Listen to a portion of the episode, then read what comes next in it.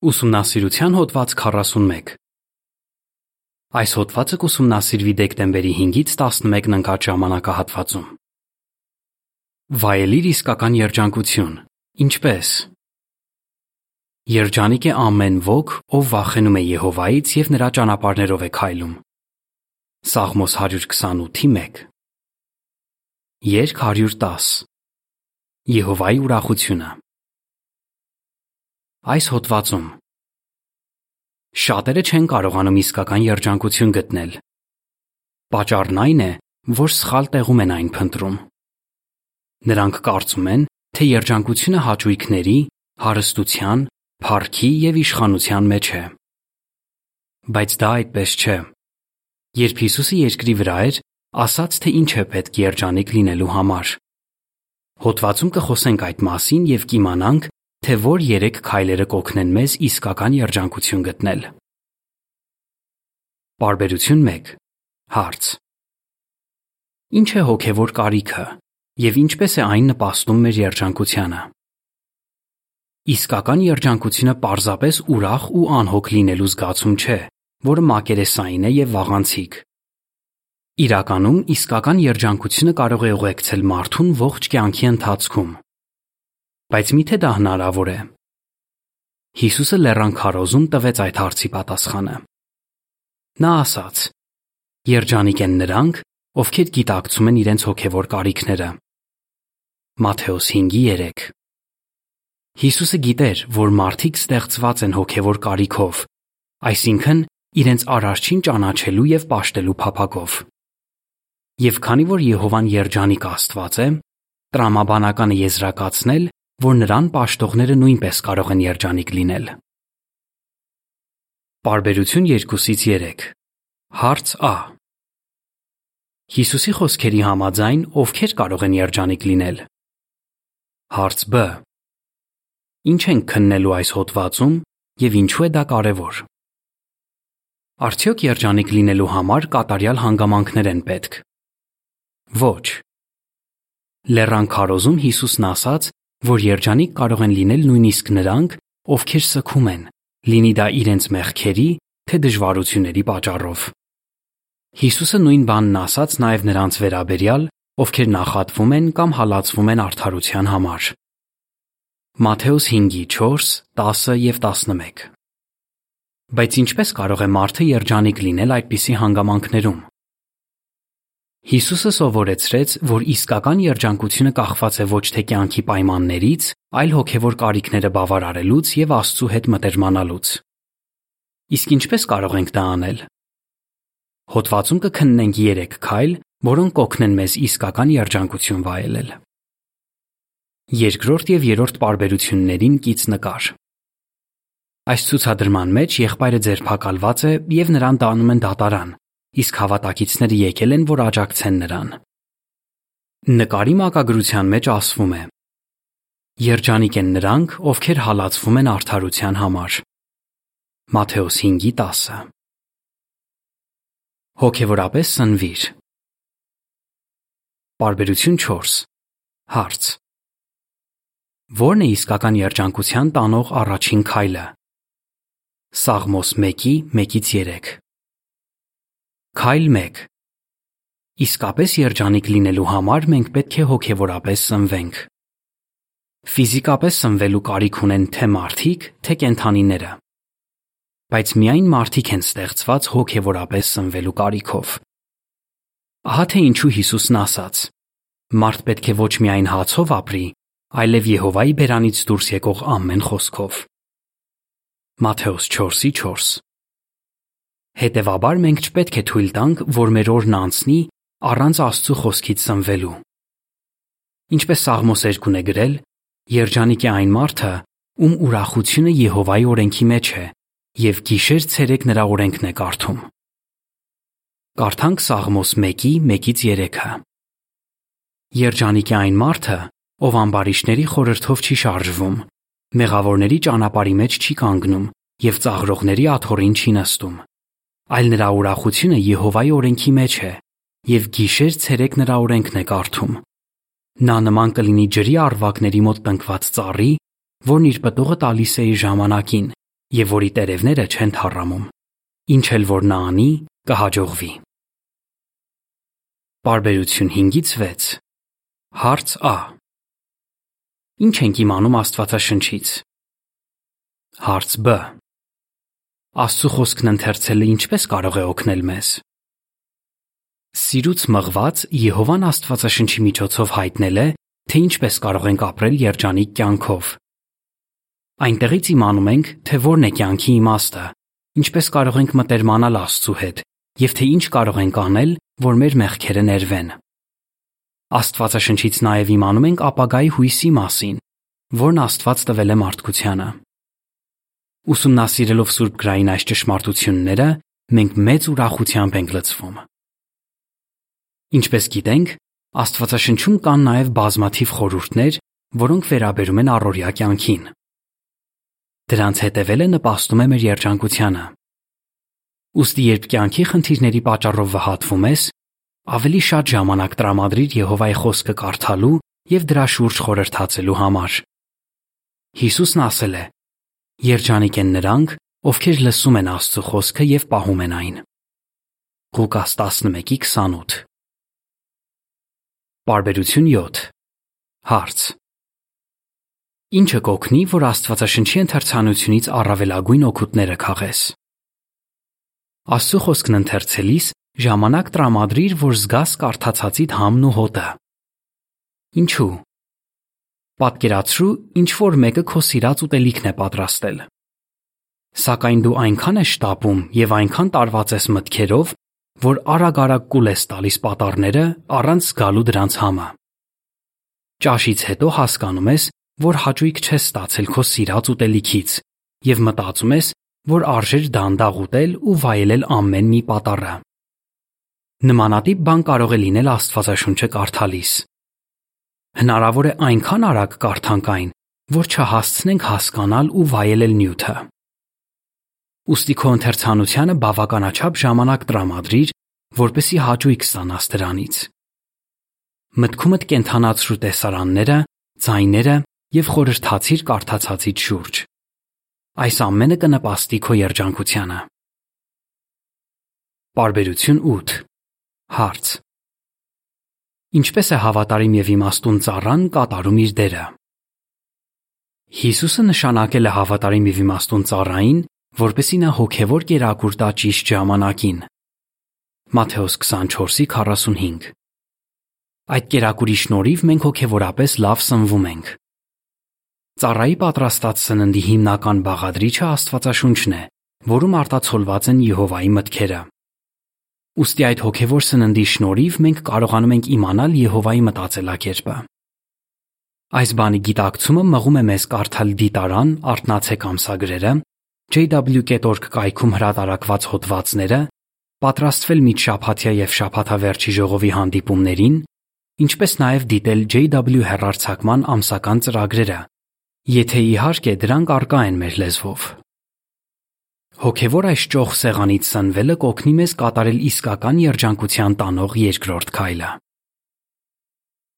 Ապրիր Եհովայի չափանիշներով։ Բարբերություն 9 Հարց. Ո՞րն է իսկական երջանկության տանող երկրորդ քայլը։ Քայլ երկրորդ. Իսկապես երջանիկ լինելու համար մենք պետք է ապրենք Եհովայի չափանիշներով։ Սաղմոս 2-ն գրել է. Երջանիկ է ամեն ոք, ով վախենում է Եհովայից եւ նրա ճանապարհներով է քայլում։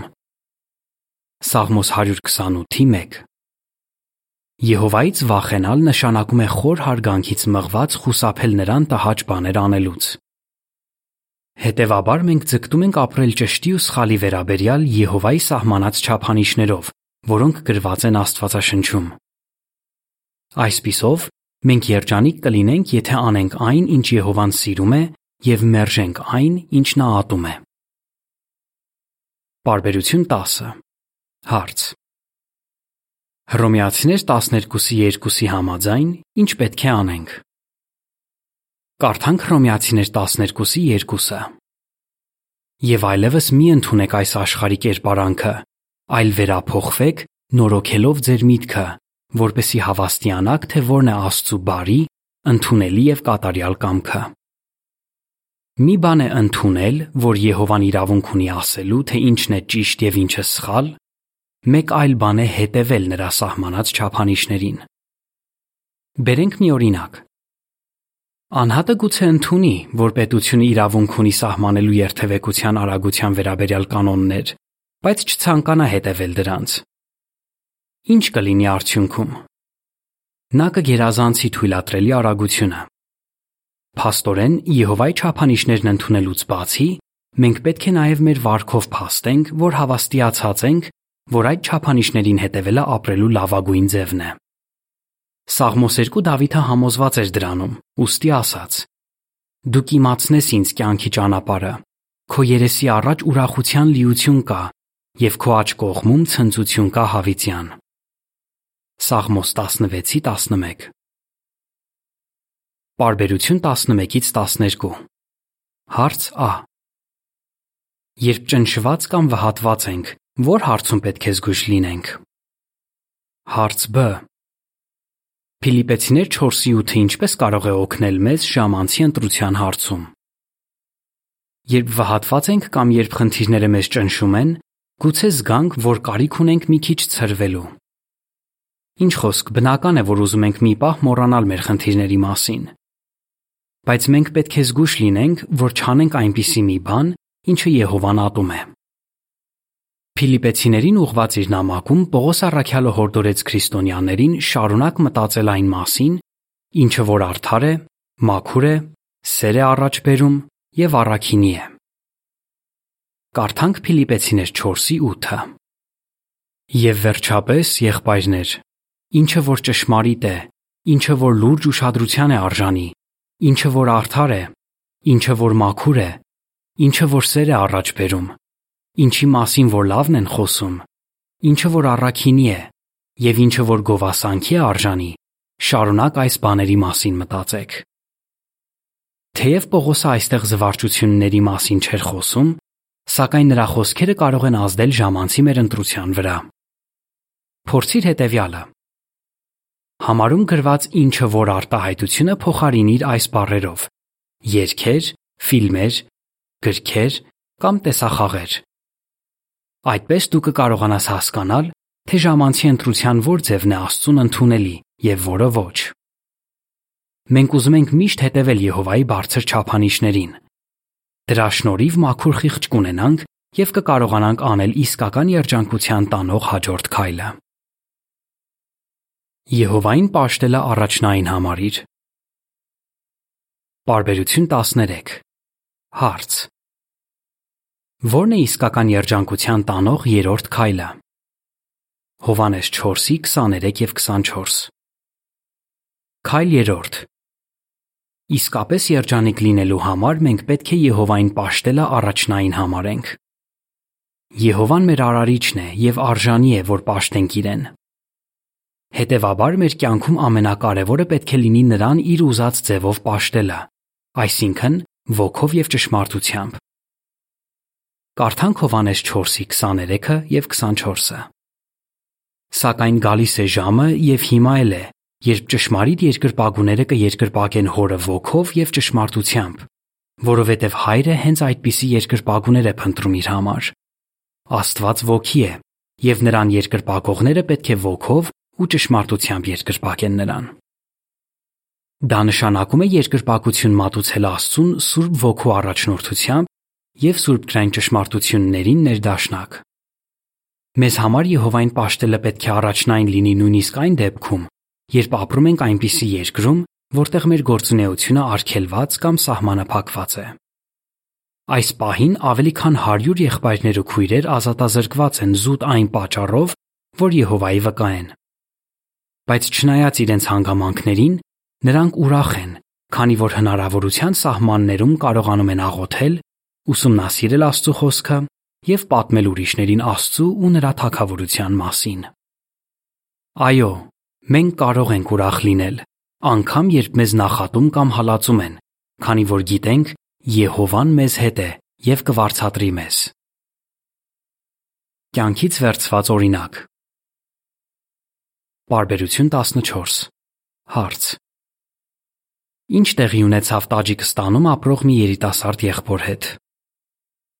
Մեր եղբայրներից ու քույրերից շատերը ծանր դժվարությունների միջով են անցել։ Չնայած դրան, նրանք կարողացել են իսկական երջանկություն վայելել, քանի որ արել են վերոնշյալ 3 քայլերը։ Քննենք 19-ամյա Ջովիդոն Բոբոջոնովի օրինակը, ով ապրում է Տաջիկստանում։ Զինծառայությունից հրաժարվելու համար 2019 թվականի հոկտեմբերի 4-ին եղբորը բերման ենթարկեցին եւ ամիսներ շարունակ պահեցին կալանքի տակ, վերաբերվելով նրան ինչպես մի հանցագործի։ Անարթարության այս դրսևորումը գրավեց միջազգային հանրության ուշադրությունը։ Ինչպես հայտնում էին լրատվամիջոցները, Նրան ծեծի էին ենթարկում եւ փորձում ճնշում բանեցնել նրա վրա, որ զինվորական երթում տա ու համազգես թաքնի։ Դրանից հետո նրան մեղավոր ճանաչեցին եւ ուղարկեցին աշխատանքային գաղութ։ Որոշ ժամանակ անց երկրի նախագահը համաներում հայտարարեց ու եղբայրը ազատ արձակվեց։ Այդ ամբողջ ընթացքում Ջովիդոնը անարատ մնաց ու չկորցրեց իր ուրախությունը։ Եվ դա այն բանի շնորհիվ, որ նա միշտ բավարարում էր իր հոգևոր կարիքները։ Բարբերություն 15 Հարց Ջովիդոնը ինչպես էր հոգևորապես սնվում բանտում։ Բանտում եղած ժամանակ Ջովիդոնը հոգևորապես սնվում էր, թեև ոչ Աստվածաշունչ ուներ, ոչ էլ մեր հրատարակություններից որևէ մեկը։ Այդ դեպքում ինչպես էր նա հոգևորապես սնվում։ Երբ եղբայրներն ու քույրերը նրան մթերք էին տանում, Տոպրակների վրա գրում էին օրվա խոսքը։ Այդպես նա կարողանում էր կարդալ Աստվածաշունչը եւ խորհել դրա շուրջ ամեն օր։ Բանտից դուրս գալուց հետո Ջովիդոնը հետևյալ խորհուրդը տվեց նրանց, ովքեր ծանր փորձությունների դեռ չեն բախվել։ Շատ կարևոր է, որ ձեր ազատությունը լիարժեքորեն օգտագործեք եւ Աստվածաշունչն ու մեր հրատարակություններն ընթերցելով խորացնեք Եհովայի մասին ձեր գիտելիքները։ Պարբերություն 16 Հարց. Ջովիդոնը ինչի վրա էր կենտրոնացնում իր միտքը։ Եղբայրը ապրում էր Եհովայի չափանիշներով։ Սխալ ցանկությունների մասին մտածելու եւ վատ բաներ անելու փոխարեն նա իր մտքերը կենտրոնացնում էր այն ամենի վրա, ինչն արժեքավոր է Եհովայի աչքում։ Ջովիդոնը հիանում էր Աստծո ստեղծագործություններով։ Ամեն առավոտ նա արթնանում էր թրջունների դայլայլից իսկ գիշերը զմայլվում լուսնի ու աստղերի գեղեցկությամբ։ Եղբայրն ասում է. Եհովայի այս պարգևներն ուրախացնում էին ինձ եւ քաջալերում։ Երբ գնահատում ենք Եհովայի տված հոգևոր եւ ֆիզիկական պարգևները, մեր սիրտը ուրախությամբ է լցվում, ինչի շնորհիվ էլ փորձություններին դիմանալու ուժ ենք ունենում։ Բարբերություն 17 Հարց. Երբ բախվենք այնպիսի փորձության, ինչպիսին ուներ Ջովիդոնը, ինչ կլինի արդյունքը, եթե մինչև վերջ դիմանանք։ Առաջին Պետրոս 1:6 եւ 7 Ջովիդոնի համար Եհովային պաշտելը առաջնահերթ էր։ Նա գիտեր, թե որքան կարևոր է ճշմարիտ Աստծուն հավատարիմ մնալը։ Հիսուսն ասել է. Եհովային, քո Աստծուն պետք է երկրպագես եւ միմիայն նրան սուրբ ծառայություն մատուցես։ Ղուկաս 4:8 Հրամանատարներն ու զինվորները ուզում էին, որ Ջովիդոնը հրաժարվեր իր կրոնից։ Բայց նա օր ու գիշեր ջերմեռանդորեն աղոթում էր, որ Եհովան օգնի իրեն չհանձնվել եւ փոխզիջումների չգնալ։ Չնայած անարդար վերաբերմունքին, եղբայրը հավատարիմ մնաց։ Այժմ նա անչափ ուրախ է, որ ձեռք է բերել մի բան, ինչը չուներ նախքան ձերբակալվելը, ծեծվելը եւ ազատազրկվելը։ Դա փորձված հավատն է։ Կարդանք առաջին Պետրոս 1-ի 6-ը եւ 7-ը։ Սրանով դուք մեծապես ուրախանում եք, թեպետև ներկայումս կարճ ժամանակով ստիպված եք լինում զանազան փորձությունների պատճառով տրտմել, որպեսի ձեր փորձված հավատը, որ ավելի մեծ արժեք ունի, քան ոսկին, որը թեև ստուգված է կրակով, բայց ենթակա է կործանման, գովաբանության, փառքի ու պատվի պատճառ դառնա Հիսուս Քրիստոսի հայտնության ժամանակ։ Նկարի մակագրության մեջ ասվում է. Ջովիդոնը հոգևորապես սնվում էր, ապրում Եհովայի չափանիշներով եւ Եհովային պաշտելը առաջնային համարում։ Բարբերություն 18 Հարց ինչը կօգնի, որ միշտ երջանիկ լինենք։ Եհովան գիտի, թե իսկապես երջանիկ լինելու համար ինչի կարիք ունենք։ Եթե հետևես վերոնշյալ քայլերին, անկամ դժվար իրավիճակներում երջանիկ կլինես։ Այդ ժամանակ դու էլ կասես. Երջանիկ է այն ժողովուրդը, որի Աստվածը Եհովան է։ Սաղմոս 144:15 Կրկնության հարցեր Ինչպես են հետևյալ քայլերը օգնում, որ իսկական երջանկություն վայելենք։ Քայլ առաջին. հոգևոր սնունդ ստանալը։ Քայլ երկրորդ. Եհովայի չափանիշներով ապրելը։ Քայլ երրորդ. Եհովային պաշտելը առաջնային համարելը։ Երկ 89 Լսիր, հնազանդվիր եւ օրհնվիր։ Հոդվացի ավարտ